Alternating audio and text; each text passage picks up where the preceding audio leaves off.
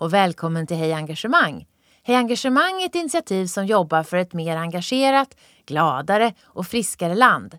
Vi vill att människor ska få möjligheten att jobba med saker de brinner för. Inte för att de måste, utan för att de vill. Tillsammans kan vi skapa bättre förutsättningar för ett ökat välmående och lönsamma prestationer.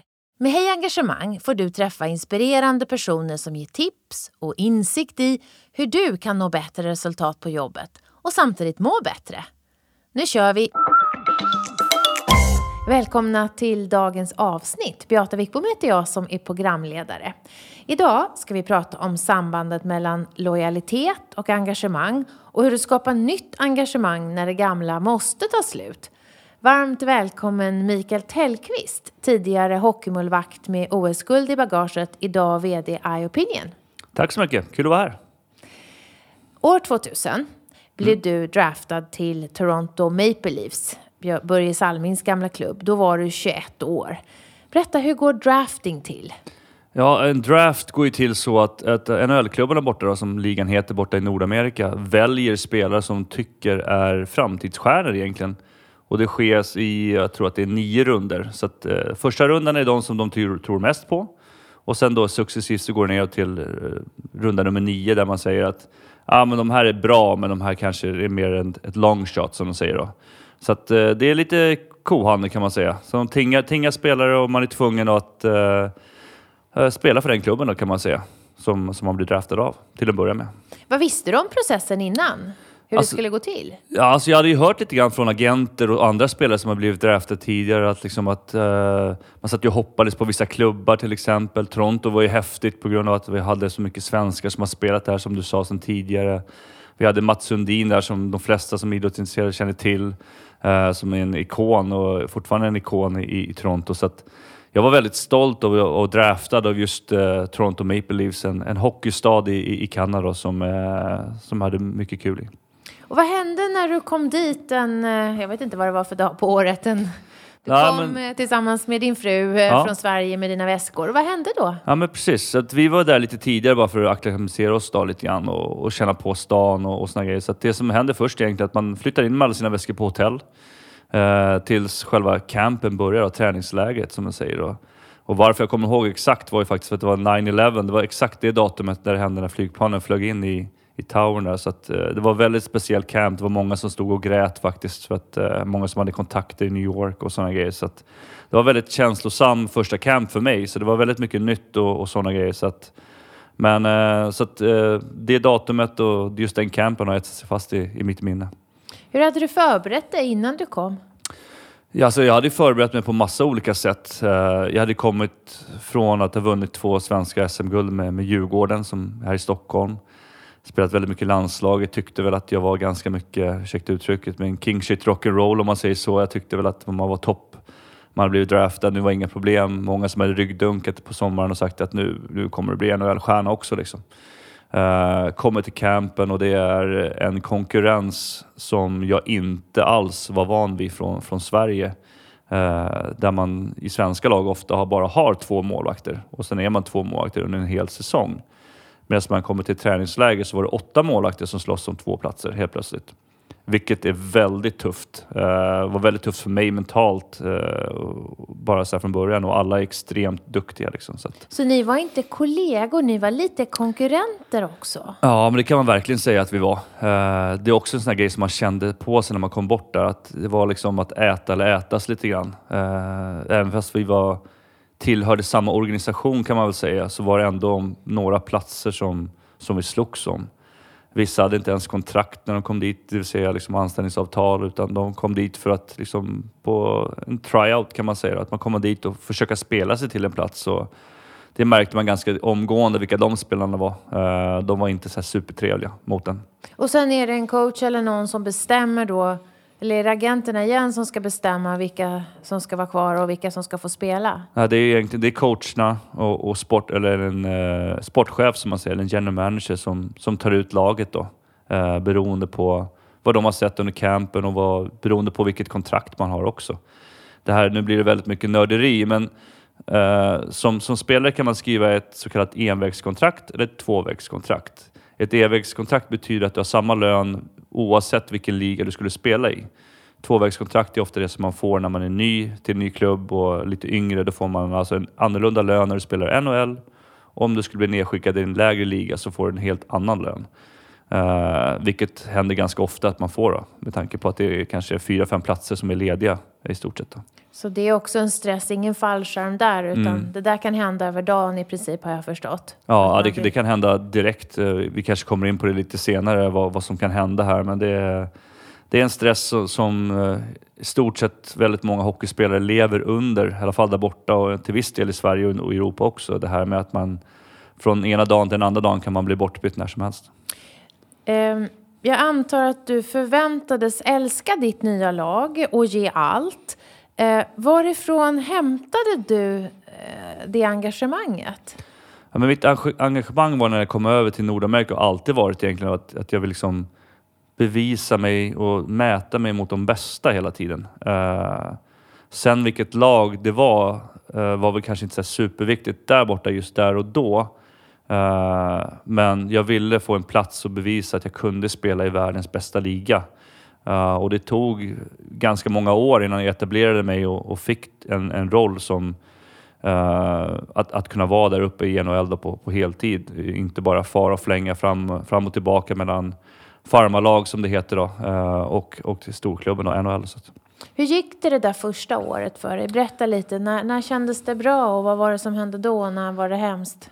Alltså e-, egentligen under första året så var det ganska hemskt ganska mycket. För att jag, som jag sa här tidigare så kommer jag från en roll där jag hade spelat landslag och sådana grejer och tyckte väl att det borde inte vara något problem att slå mig in. Men under campen så gick det bara sämre och sämre och sämre och jag kände att det här går inte väl. Tills den dagen jag fick ha ett möte med sportchefen som sa att nej, vet du vad, vi kommer skicka ner dig till de lägre ligorna.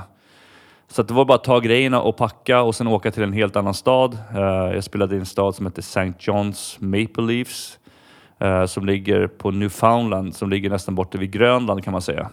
Så det är ungefär fyra och en halv timme flyg lite drygt från Toronto då. Det var inte vad du och din fru hade tänkt dig precis? Nej, det var det verkligen inte. Uh, och bara för att ge ett perspektiv så är det fyra och en halv timme från Toronto och sen är det fyra timmar till London. Så det är liksom, det är mitt ute i Atlanten kan man säga. Liksom. Uh, så det var väldigt speciellt uh, att hamna där. Och sen började det gå lite halvknackigt där också. Jag hade en coach som var väldigt skulle testa mig på massa olika sätt, just med mentala styrka som han körde. Lite så här grabbig mentalitet liksom. Det var så här mycket hot och eh, du kommer aldrig klara det här. Och, så att, eh, jag har ju förstått i efterhand att det var ett test hela tiden. Men hade jag inte varit så mentalt förberedd och haft det stödet från familj och, och fru och någonting så hade det nog inte gått så himla bra tror jag. Uh, du var ju bara 21 år. Mm. Du hade inte jättemånga års erfarenhet av olika ledare och coacher ändå. Mm. Hur, hur tänkte du för att ändå hålla dig någorlunda icke galen. Alltså hur, hur mm. tänkte du för att stå ut där uppe i kylan och, och granne med Grönland? Ja. På ett, I ett lag, i en miljö du inte hade tänkt dig? Det, det som är fördelen med, med hockeylag och såna grejer är att de flesta är i samma situation. Så det blir väldigt snabbt en familjär känsla med de spelarna man spelar med. Uh, man pratar med de spelarna som är äldre, vad de har gått igenom och de bollar sina idéer. De hör ju också saker och ting som tränaren kan säga rakt ut i ett omklädningsrum framför allihopa man får ganska mycket stöttning och spelar liksom så här, men bryr dig inte om det där, det där är bara liksom skitsnack liksom och såna grejer. Det, är, det, det stämmer inte, han testar bara dig liksom. De blir kollegor? Ja, de blir kollegor. Uh, det blir lite grann som, vad ska man säga, man har en ledare som, som egentligen står utanför laget egentligen och man, man har ingen, får ingen riktig respekt för, för den personen uh, på sätt och vis. Så att den ledaren som jag hade första året så var ju naturligtvis ingen bra ledare för att han såg inte alla utan han hade bara ett mål, en agenda själv. Att han skulle skrämma upp oss på ett eller annat sätt och det funkade sådär på de flesta faktiskt. Men du lärde dig om vilket ledarskap du inte själv tycker funkar och hur den ledare du själv inte ville vara. Ja, nej, absolut. Det gjorde man ju ganska omgående. Just det här med att man inte ser alla och inte liksom får med alla på liksom idén. Så är det ju ofta liksom att eh, alla är vi olika. Alla har vi olika bakgrunder och alla kommer från olika liksom, familjer och sådana grejer. Utan det som är viktigt är att man, man sätter sig ner och, och, skapar ett mål tillsammans. Dit ska vi. Men sen hur man tar sig dit, det måste individen få liksom lösa själv. Uh, så att uh, det var väl lite så jag försökte hitta mig själv i det. Hur ska jag kunna ta mig till målet? Mitt mål var i NHL liksom. Hur ska jag kunna ta mig dit för, som bäst? Och då var det i stort sett jobba hårt på träning, försöka vara en bra kollega då, eller lagkamrat som möjligt, stötta de andra liksom, så att jag vann deras respekt. Eh, och på så vis kunna jobba mig upp i, i hierarkin och försöka få mer och mer istid. För att som målvakt så handlar det mycket om att man får respekten från sina lagkamrater. Att de gör det där lilla extra för dig när du står liksom där bak. De kanske slänger sig och täcker skott och pillar bort puckar på returer. Och, och Lojalitet till. Lojalitet, precis. Och det, det tror jag är viktigt vad man än håller på med. Att man, många snackar om att man, man ska få respekt, men jag tror att det är viktigare att ge respekten för då får du den tillbaka. Mm. Och tillit Absolut. till att de täcker för mig. Vi hade en um, rektor för, för, vice rektor för Försvarshögskolan här i några för några avsnitt sedan mm. som pratade om det här att när jag ska ligga och sova ute på fartyget så måste jag ha tillit att mm. de andra täcker upp för mig. Mm. De andra gör jobbet. Absolut. Eh, annars kan jag inte göra mitt. Nej, och det är jätteviktigt. Så det är verkligen i ett ja, idrottslag. Ja, verkligen. Så är det verkligen. Eh, 2003, då mm. spelade du för Sverige i VM och eh, Tre Kronor gick till final. Mm. Var spelades den? Den spelas i Helsingfors eh, i, i Finland. Eh, så det var väldigt speciell. Hela den turneringen var väldigt speciell. Eh, vi mötte det som man, de flesta kanske kommer ihåg, att vi mötte Finland i en kvartsfinal. Vi låg under med 5-1. Eh, jag satt på bänken första, första perioderna, fick komma in. De bytte målvakt helt enkelt. Och vi vände matchen och vinner 6-5 det är väl det som de flesta kommer ihåg med, med Lasse Granqvist, eh, klassiska kommentar, kommentatorer där som, som skrek ut sin glädje. Liksom. Så att, eh, och sen då tyvärr så förlorade vi finalen eh, mot, mot Kanada. Eh, men det var en häftig turnering och det var väl egentligen mitt stora genombrott internationellt, skulle jag vilja säga att det var. Hur, kan du berätta lite hur det känns? För det var fullt med svenskar förstås på läktaren. Mm. Det var ju också i Finland och mm. lätt för många att komma. Hur mycket märker du publikens stöd och eh, hur mycket märker du dem när du står på isen? Ja, men just, just den matchen, om man ska gå tillbaka till den Finlandsmatchen, så märkte man ju hur, hur egentligen hur hånade vi vart i Finland där. Det slogs på plexiglas och det pekades finger och det skreks en och annan sak eh, på finlandssvenska till oss där att vi var, skulle åka hem till Sverige och eh, eh ditten och datten. Men sen ju närmare och närmare vi kom i matchen, desto tystare och tystare blev det. Och när vi väl gör det 6-5 målet så i en ishall som tar, jag tror att det är nästan, ja, vad kan det vara, 15, 15 000 pers kanske, så är det knäpptyst. Förutom några få fulla svenskar som ställer sig upp och skriker liksom, och i stort sett. Då. Så att, eh, Nej, det var det är en häftig känsla. Lika häftig känsla som att spela inför ett fullsatt eh, Hovet då, som jag är van med. Eh, så var det här också häftigt, just den här tystnaden. Att det kan vara så tyst i en, en idrottsarena som det var just den matchen. Fick du lite stjärnstatus då efter VM-silvret? Ja, det, det, fick jag väl. Jag fick väl ett erkännande att, uh, att jag klarade av att spela på internationell nivå också. Uh, samtidigt som det hjälpte mig uh, även borta i Nordamerika att de såg att jag hade spelat en VM-final mot just Kanada då, eftersom jag tillhörde Toronto som organisation. Så att, det var väl en push i, i rätt riktning att se att, att, att jag klarade av att spela på, på den där nivån, vilket var väldigt häftigt. Och var hamnade du då efter det? Ja, det var väl något år till. Det vart någon sån här strejk eller någonting tror jag, just det året, En lockout som det kallades för. Men eh, efter det så hamnade jag faktiskt i NHL och, och, fick chansen att spela i NHL tillsammans med, med lagkamraterna uppe i, i Toronto. Så jag kunde bofästa mig helt och hållet där uppe. Eh, det som det funkar då är liksom att sportchefen egentligen kommer fram till dig och säger så att vet du vad, nu kan du skaffa en bostad här i Toronto. Och det är som ett erkännande att säga liksom att uh, nu, nu kan du vara med det stora laget. I alla För, fall i några månader. Ja, i alla fall i några månader tills det blir bortbytt. Men så är det. Men uh, ofta så säger de ingenting så måste du bo på hotell liksom. Fram tills sportchefen säger ja, men nu får du skaffa ditt eget boende. Liksom. När du, eh, kan du berätta lite om eh, Tre Kronor-laget? För det sätts ihop för, för turneringar. Mm. Eh, hur byggs laget ihop då? Hur, hur, hur, får du den där teamkänslan på en relativt kort tid? Har, har du reflekterat över det? Ja, men det har jag väl gjort. Alltså, det, och det, det, här handlar ju om en ledarskapsfråga också. Jag vet att väldigt många, speciellt nu för tiden, förr i tiden så gick man väldigt mycket på just att man skulle prestera, att man var bra. Liksom. Nu vet jag att de sätter upp laget på ett helt annat sätt.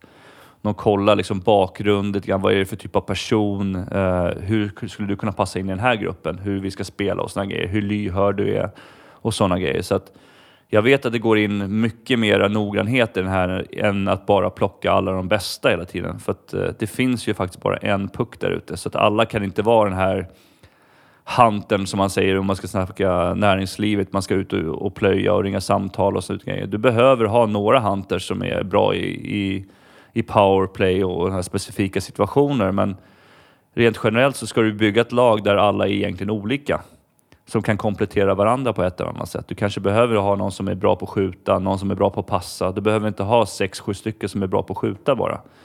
Och eh, Det är väl lite det som min tanke är, liksom just att man ska jämföra näringslivet med, med idrotts, idrottsvärlden. Att man tror att man bara kan ha killar som ska skjuta och göra mål hela tiden. Man behöver, alla behövs på ett företag och då är det viktigt som ledare att man ser alla också. Att man är, tydlig vilken roll man har i företaget och, och, och, på, och i laget då, på ett annat sätt.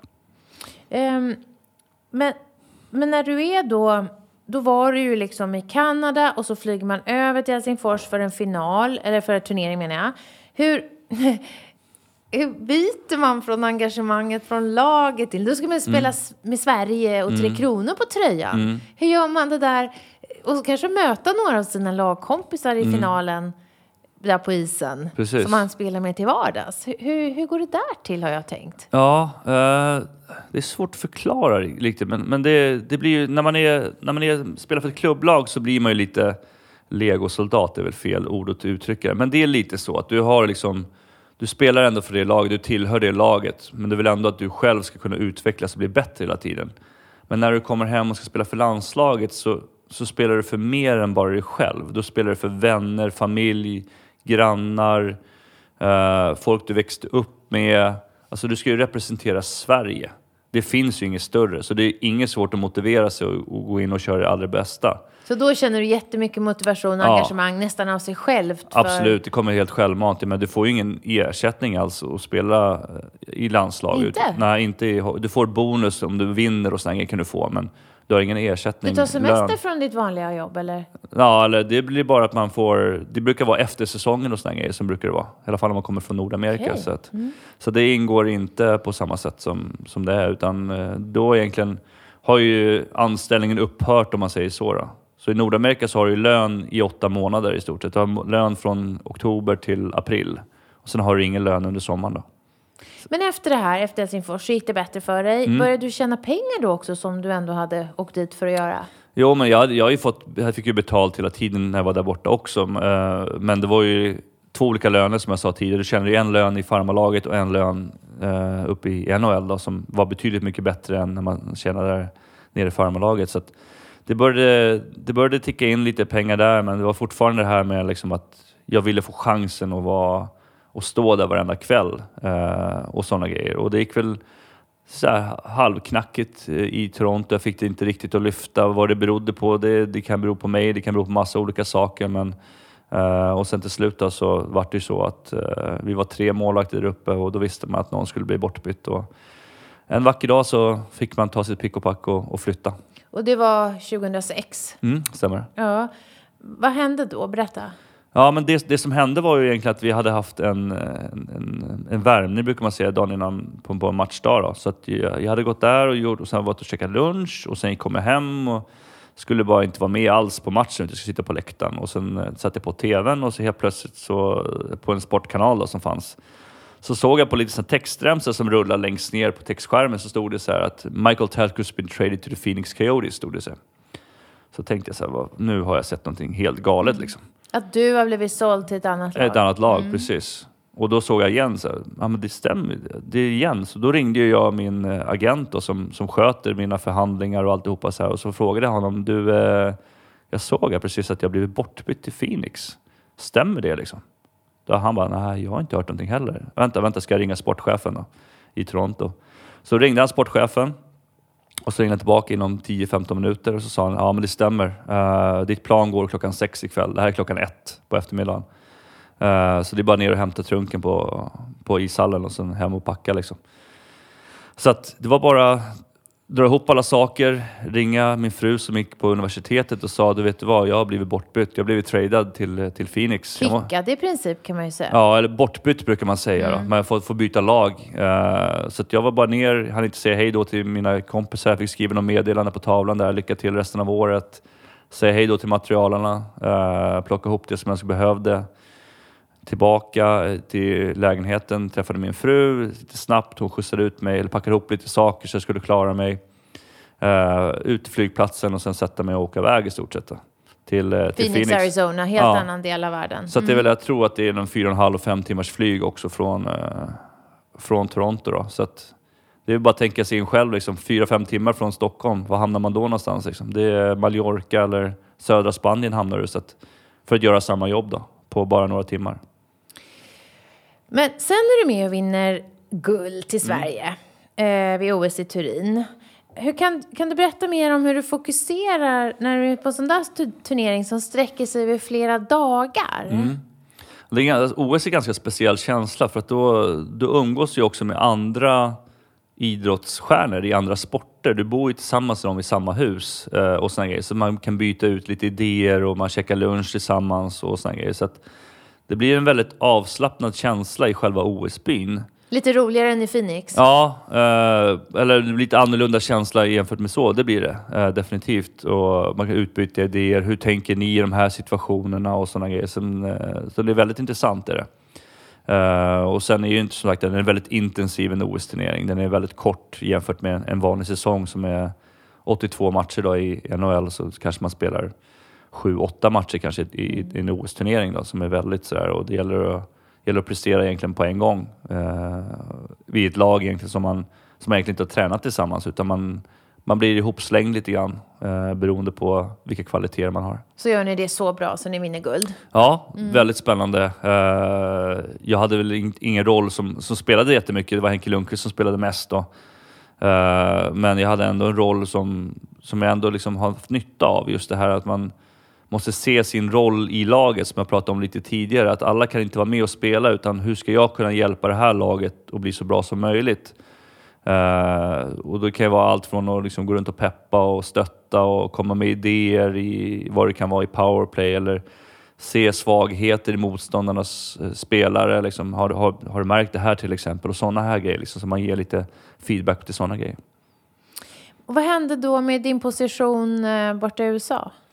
Ja, det var ju naturligtvis eh, väldigt speciellt eh, att få vinna e-, ett OS-guld för Sverige. Eh, väldigt, väldigt häftigt. OS är ju bara var fjärde år så att, och ens kunna få vara med och spela ett OS är väldigt få förunnat. Men nej, det, det var häftigt på många sätt och man får en annan status just att man kan säga att man har vunnit ett OS-guld.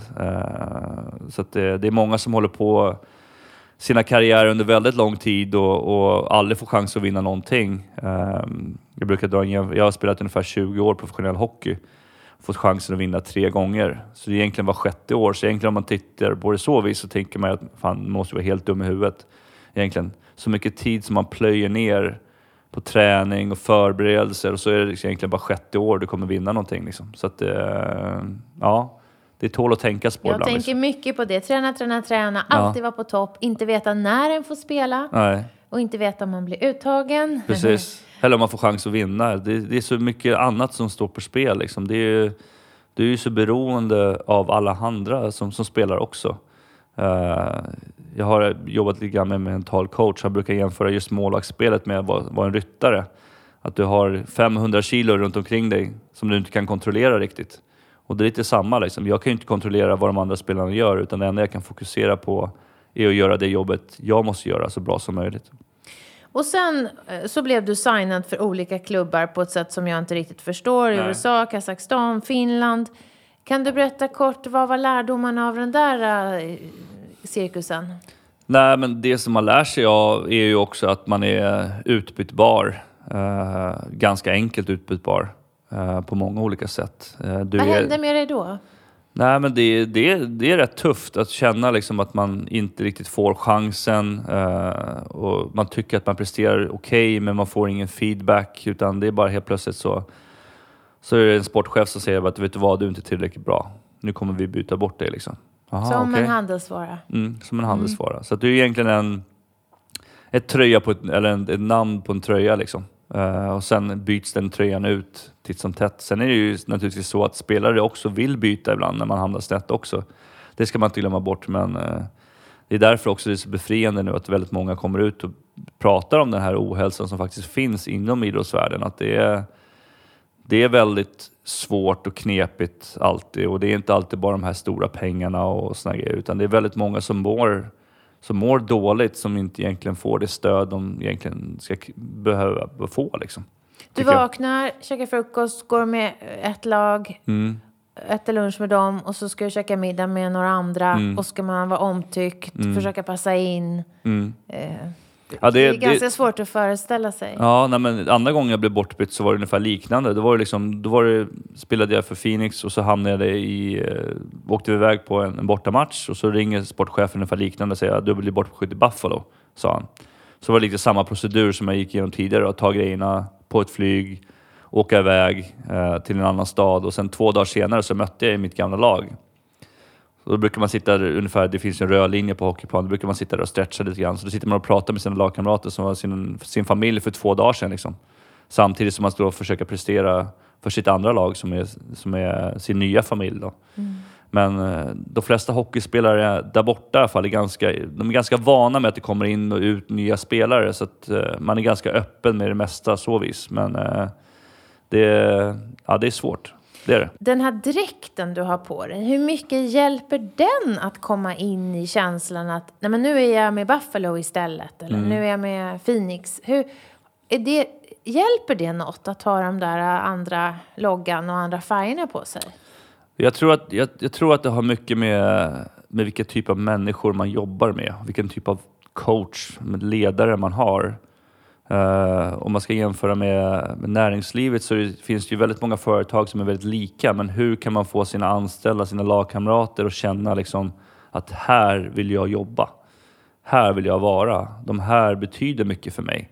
Sen att produkten är likadan eller kanske bättre här borta på en annan del av denna del av företag, men det handlar inte så mycket om det, utan du, du måste bli sedd, du måste få uppgifter som du känner att du liksom gör någonting med och sådana grejer. Så det är väldigt mycket, det är ju det som kallas för engagemang liksom, från ledare och, och, och, och sina anställda runt omkring. Att man känner den här glädjen att gå till jobbet varenda dag eh, på ett eller annat sätt. Och jag menar, det var ju så för mig också. Vissa dagar så var det ju katastrof. Jag ville inte alls gå och spela hockey liksom.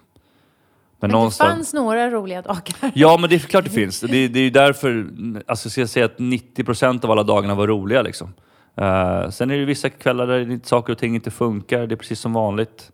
Vad gör man av det liksom? Uh, skilja på skilja på hockeymycket som det var då och, och privata mycket, vilket är jättesvårt. Uh, när man får recensioner som inte alltid är positiva. Folk skriver saker och ting på sociala medier eller vad som helst. Eh, men då, det är då man får hjälp av den här mentala träningen att säga liksom att vet du vad, det här är inte mig de kritiserar som privatperson utan det är faktiskt det jobbet jag gjorde här ikväll på isen som var inte så bra. Liksom. Men det är, det är en svår balansgång och det är, det är lätt att man tar med sig där hem och ligger och grubblar över natten och, och såna grejer. Och när man vaknar på morgonen så har man inte sovit så bra. Men då, då ska man bara bita ihop och köra på sätta på sig grejerna igen och så ut och köra. Liksom. I företagsvärlden eller i organisationsvärlden så pratar vi mycket om att organisationer kan vara värderingsstyrda. Eh, och kan ha väldigt olika kultur och vi kan prata om det och beskriva det här. Är det samma inom sportens värld?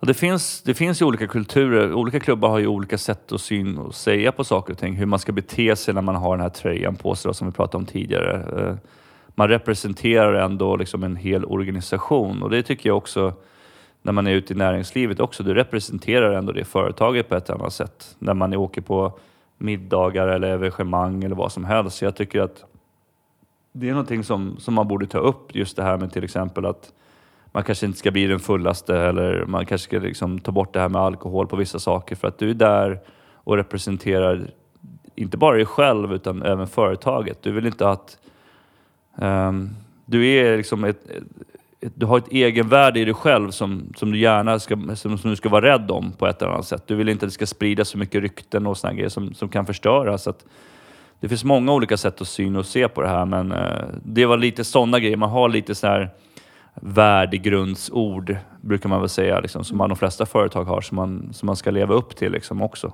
Det Eh, fanns. Ja, det finns. Och en uppförandekod kanske som Precis, hur man, vara. hur man är Mm. mot fans och hur man beter sig mot motståndare, om man vunnit eller om man förlorat eller vad som helst och såna grejer. Så Och finns. sen slutade du din karriär i Djurgården. Mm. Och sen för två år sedan så bestämde du dig för att sluta. Hur kändes det? Eh, ja, men det, kändes, det kändes helt rätt då. Eh, jag var klar, min kropp orkade inte prestera på den här höga nivån längre. Jag var mentalt trött. Eh, för det krävs väldigt mycket av att vara alltid förberedd och, och stå till svars, som det här som jag sa tidigare, kunna stå till svars när saker och ting inte fungerar mot fans och, och sådana grejer. För att just som det är med, med Djurgården, och som, det- de, deras fans finns ju överallt i Stockholm. Så det kunde ju vara så när man gick och lämnade på dagis eller vad som helst, att folk frågade så här, typ, varför gör ni inte mer mål för? Eller, Och med varför, sociala medier blir det där väldigt synligt också. Absolut, det blir det. Eh, och, och, även fast man säger att man ska inte läsa så blir det lätt att någon annan läser och så bara, har du hört det här liksom? Och såna grejer. Så blir det att det väcks tankar och, och såna grejer. Så att jag, var, jag var väldigt klar, var jag. Och, och kände att jag inte hade något mer att prestera. Och eh, kunde väl egentligen spelat något år till och så om jag hade velat. Men jag kände att jag ville vara hemma med familjen, vara en mer närvarande pappa och alltihopa. Så jag tog ett, eh, för en gångs skull, ett osjälviskt beslut. Eh, att nu, nu räcker det. Och då ehm, så bytte du karriär och idag är du VD för ett bolag som heter iOpinion. Mm, Vad är det stämmer. ni vill hjälpa era kunder med? Nej, men vi, I grund och botten så är vi då en, en, en hälsoundersökning, en vetenskapligt framtagen hälsoundersökning som, som bygger på statistik och forskning då, eh, sedan 50 år tillbaka. Eh, som egentligen grundades 2010. Eh, tillhörde ett annat stort bolag sedan tidigare. Eh, fram till 2016 när det hände en tråkig sak inom bolaget eh, där en person gick bort. Där vi har liksom, efter det så så har vi gjort en relaunch kan man säga. Liksom, att det blev lite liggande ett tag, eh, företaget. Men nu är vi tillbaka igen här 2019 så att eh, vi har byggt om plattformen och är redo att ta den här kampen mot ohälsan som växer och växer på, på arbetsplatserna. Eh, vilket är väldigt tråkigt kan jag tycka. Eh, inom idrottsvärlden så tänker man alltid lite här med att inte bara prestation men det här med att när någon blir skadad så vill man gärna ta hand om den personen så snabbt som möjligt och få tillbaka den för att den är så pass viktig. Till exempel jag som målvakt, då går jag sönder, man har bara två målvakter. Det kostar ju enormt mycket pengar att, att rekrytera in en ny, anställa en ny och få den på plats och skulle prestera på en gång. Liksom. Men finns inte samma ta- tankesätt i näringslivet tycker du? Nej, jag, jag tycker att det är lite mer långdraget. Utan det är lite mer det här, ja, gå hem och vila upp dig. Eh, och så kommer du tillbaka när du är redo. Istället för att till exempel om du går, går, in med, går hem med ryggont så kanske någon som bara ringer dagen efter och bokat en tid åt dig till exempel. Bara en sån här liten gest som egentligen som du som anställd skulle säga, oh, wow, de vill verkligen att jag ska komma tillbaka så snabbt som möjligt. Eh, så att den, den finns hos vissa företag, det ska jag säga. Eh, men rent generellt så tycker jag att det är väldigt mycket det här med att bara gå hem och vila upp dig så, så får vi ta det efter det. Så, så ni hjälper eh, organisationer att synliggöra ohälsa? Ja, det, precis. I grund och botten så är det då en hälsoundersökning eh, där man gör, man kommer in eh, och sen efter det då så, så sätter vi oss ner och, och jämför det resultatet mot en referensdatabas då, som vi har. Eh, och då tillsammans med företagen så tar vi då fram det här ser vi hos er. Eh, det här gör ni mycket bra, eh, vilket är extremt viktigt att ta fram också för de flesta företag gör ju väldigt mycket bra saker. Och det här skulle ni kanske göra, behöva göra en förbättringsåtgärder med. Så det blir en grund för förbättrings, förbättringsarbetet och ett nuläge? Absolut, en nulägesanalys. Och sen efter det då så sätter man sig ner och diskuterar vad ska vi kunna göra för förbättringsåtgärder. Eh, och där ser vi då gärna att alla ska vara engagerade, inte bara en ledningsgrupp utan man kanske gör en liten workshop där man får med hela företaget. För att det är ändå företaget som ska göra de här förbättringsåtgärderna. Eh, det är ändå de anställda som ska göra de flesta av de här sakerna. Så att det inte bara ledningsgruppen sitter uppe och beslutar en massa saker. För då blir det alltid den här känslan, vi och dom-känslan som man vill, man vill bort ifrån. Man vill ju engagera alla att känna att, vet du vad, nu gör vi det här tillsammans. Det är vi som har fattat det här beslutet, att vi kanske vill ha en matlagningskurs eller vi vill ha den här föreläsaren som kommer hit eller vi vill kanske röra oss mer på, på företagen eller vi kanske vill ha lite mer ledarskapsutveckling eller vad det nu kan vara som man kommer fram till i svaren. Så att jag tror väldigt mycket på att engagera alla i företaget. Eh, alla ska bli, få sin röst hörd på ett eller annat sätt. Vad, vad, vad brinner du för i ditt jobb idag? Ja, men jag brinner för att jag vill minska alltså, den här sjukskrivnings... Eh, vad ska man säga, orkanen som, som håller på nu. Eh, sist jag hörde någon siffra var så 80 miljarder liksom, eh, kronor i, sjuk, alltså, sjukfrånvarosummor. Liksom. Eh, vilket är enorma summor. Liksom. Jag tänker, liksom, skulle vi alla kunna ta ansvar och få ner de här siffrorna kanske till 60 eller 50. Liksom. De här summorna som vi skulle kunna spara och lägga på sjukvård, på på skolor eller på idrotten eller på kulturen eller vad det nu kan vara man är intresserad av är ju liksom något enormt. Så de här... Förutom individens egen Ab absolut, hälsa och absolut. liv som blir och de runt omkring som tappar en familjemedlem under ja, flera månader. Absolut, jag menar det är ju så. Hälsa och prestation går ju hand i hand. Nu pratar jag väldigt för att jag kommer från idrottsbakgrunden men det är exakt som du säger. Liksom. Det är enormt viktigt att ta hand om människan för att det är också en sån här grej som, tar man hand om sin personal så blir det ju också det här med att det blir ju med, med sociala medier, att det blir att man snackar ju om det här företaget. Liksom. Här, tar vi hand om, här tar vi hand om våra anställda. Liksom.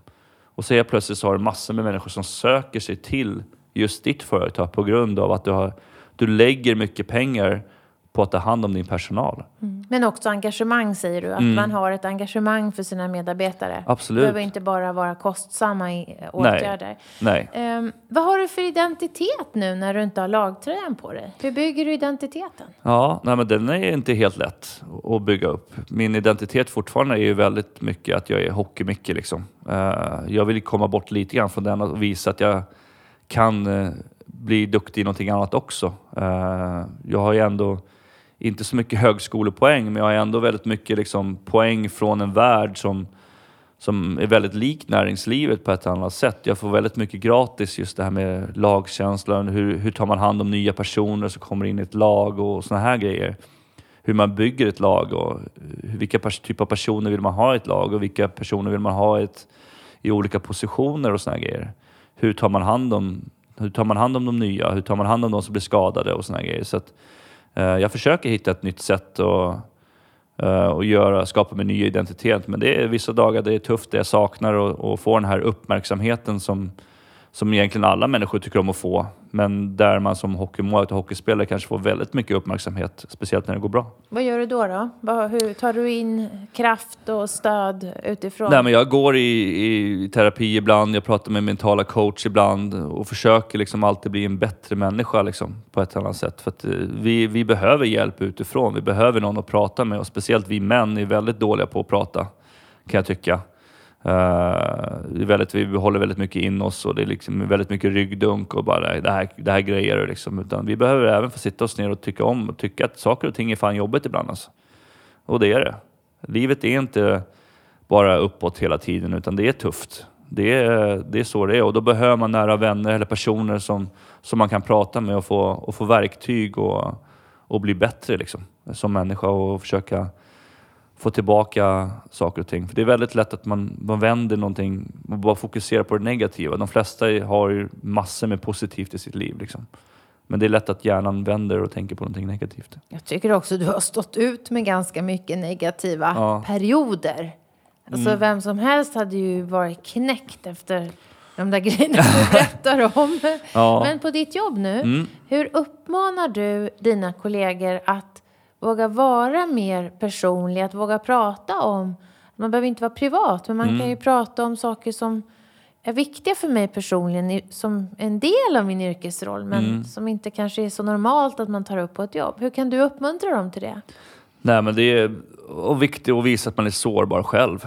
Uh, att man inte är liksom, att, att det finns ett stöd där, att, liksom, att man säger att vi behöver dig för att kunna liksom, göra det här jobbet. Uh, kom till mig, jag kommer inte döma dig på ett eller annat sätt utan jag behöver få dig in och, till 100 procent. Uh, så det, fin det finns väldigt många olika knä knep gör det, men att visa sig sårbar och visa liksom, att, att man lyssnar, att man ser personerna man kanske går sin runda på morgonen och, och pratar med, med sina anställda och, och, säger god morgon och frågar om det är någonting jag kan hjälpa till med eller no någonting sånt. Liksom. För det tror jag är viktigt att man känner att sin, sin chef eller ledare är där och, liksom, och ser sina anställda. Sen kan jag förstå att det är svårt om man har 3000 anställda under sig. Så många har inte vi. Men, men eh, jag, tror, jag tycker det är viktigt att man kommer in och hälsar och, och, att man får bort den här känslan av vi och dem. Att man går bort från sitt... Jag gillar egentligen inte att man säger VD eller någonting utan man, liksom, man är ju anställd i ett företag tillsammans som alla andra också. Sen att man har en annan roll. Uh, men att man kanske kommer ner på, på golvet om man säger så och visar liksom att vad, så man ser verkligheten dagligen också. Vad, vad är det som händer? Så man inte sitter i sitt rum och bara fattar massa beslut och sen liksom, så funkar det inte. Liksom. Utan det är viktigt att man får någon typ av grepp på hur, hur ens företag ser ut.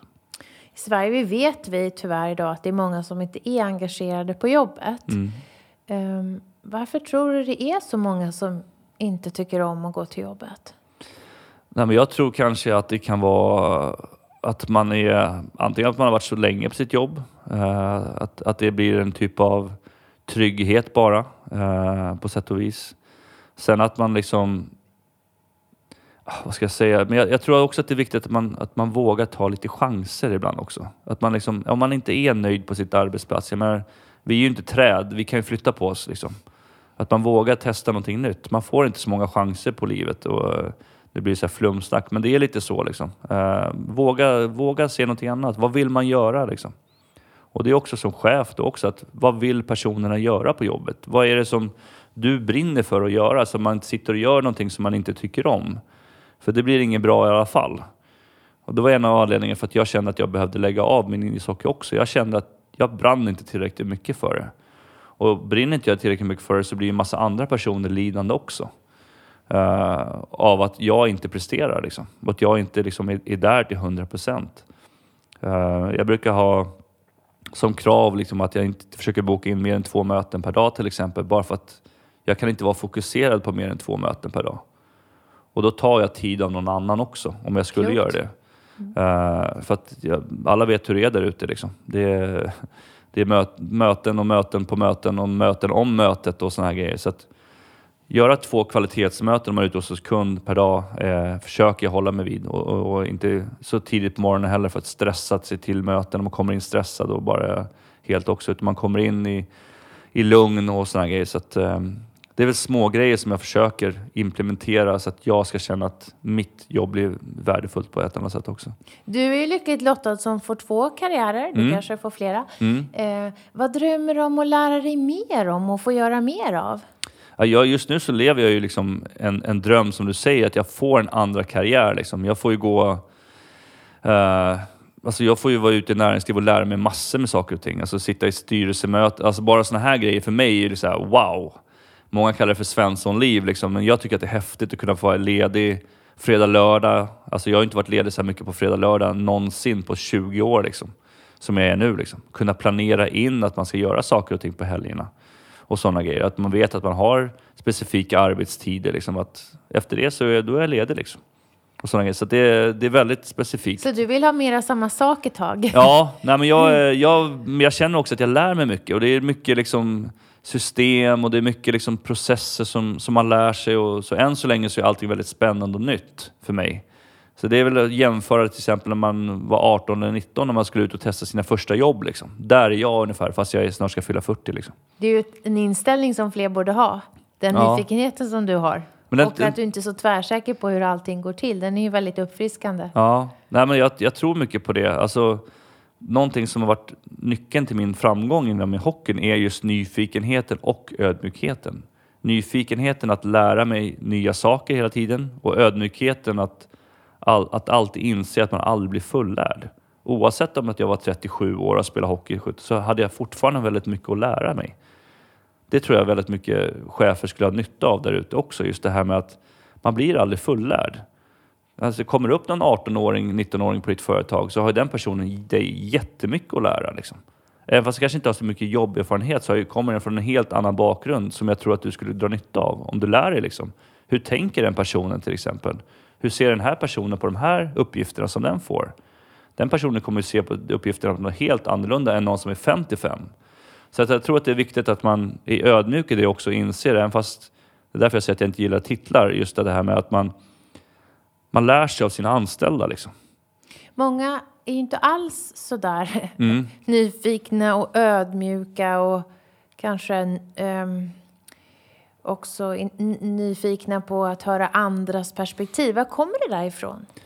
Jag tror att det är en rädsla lite grann. Eh, att det kanske är någonting att... Som du har? Nej, nej från, från mig, jag tänker på personerna som har den här rädslan. Men om du tänker på mig så är det liksom att det, det, har nog haft med personer som jag har liksom levt runt om mig som också varit nyfikna och jag ser de som har lyckats bäst är de personer som är nyfikna, i alla fall i min omgivning.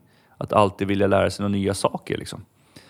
Och om man ska gå från vad jag tror om folk och andra så tror jag att eh, folk är ganska rädda för att tappa sin position om man liksom släpper in för, folk för nära sig eller eh, om man gör för mycket andra saker. Till exempel en sån här undersökning som vi jobbar med med Opinion också, att det kommer fram saker som, som kan skada mitt skada min roll i det här företaget. Eh, När sanningen kommer fram. Ja, och, Istället för att bejaka den och precis. säga förbättringsmöjligheter. Absolut, för jag menar, det är ingen som är perfekt. Aldrig någonsin. Och är det så, liksom, då är det bättre att man tar tag i det då. Liksom. Säger, ja men vet du vad, jag verkar, nu verkar det gå åt pipsvängen här. Jag har varit en dålig ledare. Jag försöker ta tag i det här och vända på det här. Och så kan man då helt plötsligt få med sig hela företaget istället för att man går och, liksom och, och tycker att alla bara gör, gör, ingenting och alla bara är sjukskrivna och, liksom och bla bla gnäller. Liksom. För det börjar ju någonstans med sig själv. Liksom. Så är det ju alltid. Vad kan jag göra för skillnad? Ser personalen att jag vill göra, förbättra mig så kommer personalen också vilja förbättra sig. Så är det ju. Mm. Har du barn som spelar hockey? Ja, jag har en eh, åttaåring som precis börjat spela hockey också. Tänk, hur tänker du kring eh, proffskarriär om... Ja, nej, a, a, absolut inte. Jag vet att man ser mycket föräldrar som, som tänker så också, men jag vet att den, den promillen som ens får chansen att spela i, i NHL i varje årskull är så himla liten. Så för mig är hockey eller idrott så mycket mer än att prestera. Eh, det handlar om att man lär sig saker och ting. Du blir formad på ett visst sätt. Du lär dig ta ansvar för andra. Du lär dig liksom ta hand om din utrustning, du lär dig ta hand om, eh, du blir en ödmjuk person jämfört med, med domare, andra motståndare, du får lära dig vad du ska vara i tid och det är mycket andra saker som, som man får lära sig inom idrotten, att man får ta ansvar på andra saker som jag, som jag tror att väldigt många har med sig. Som du vill ge dina barn? Ja, absolut. Så är det. Uh, och jag vi, tror att det är... Mm. När vi vet att det är så lågt engagemang på svenska arbetsplatser och det är faktiskt en hälsofråga och det är ju en, en kompetensfråga och en innovationsfråga på sikt. Och om mm. det fanns något som hette engagemangsminister och du var det, mm. vad skulle du göra då för att höja engagemanget på svenska arbetsplatser? Ja, men först och främst så skulle jag vilja lyssna på mina anställda. Eh, jag skulle gå ner på golvet och liksom säga vad behöver vi, vad behöver ni för att kunna liksom Eh, må bättre på er arbetsplats. Eh, hur kan jag hjälpa er och, liksom, och göra det liksom, på den resan? För jag tror att där, och visar man sin sårbarhet där och vill visa liksom att då skickar man över lite ansvar också på, på sina anställda och talar om liksom, jo men så här skulle vi vilja ha det. Så här skulle vi faktiskt vilja göra för att kunna må bättre på arbetsplatsen. Det här skulle vi kanske vilja ha. Vi kanske skulle vilja jobba hemma en dag i veckan liksom, bara för att kunna liksom, slippa, specifikt om man pratar här om i Stockholm, då, att slippa sitta i trafiken en dag. Liksom. Och kunna liksom få väldigt mycket gjort hemifrån eller vad som helst. Så lita på att medarbetarna har stor del av svaret? Ja, jag skulle säga att medarbetarna har det största svaret. Eh, det definitivt. Eh, återigen om idrotten också. Jag menar, det spelar ingen roll hur bra ledare du är på sätt och vis, så får du inte med dig dina dina vet du, anställda eller dina lagkamrater så kommer du aldrig kunna liksom få företaget eller hockeylaget att prestera som du vill. Utan det gäller liksom att få vara lyhörd. Vad behöver ni för att kunna prestera? Liksom? Tack Mikael Tellqvist mm. för att du var med i Engagemangspodden. Det här var jättekul och tack alla lyssnare som lyssnar varje vecka, skickar kommentarer och som skickar hejarop. Det uppskattar vi. Hej då! Vi hoppas att vi har väckt tankar om hur du kan bidra till ett mer engagerat Sverige. På hejengagemang.se kan du hitta mer inspiration och tips kring hur du som individ, ledare och organisation kan jobba för att skapa ett ökat engagemang, välbefinnande och nya resultat. Tack för att du har lyssnat!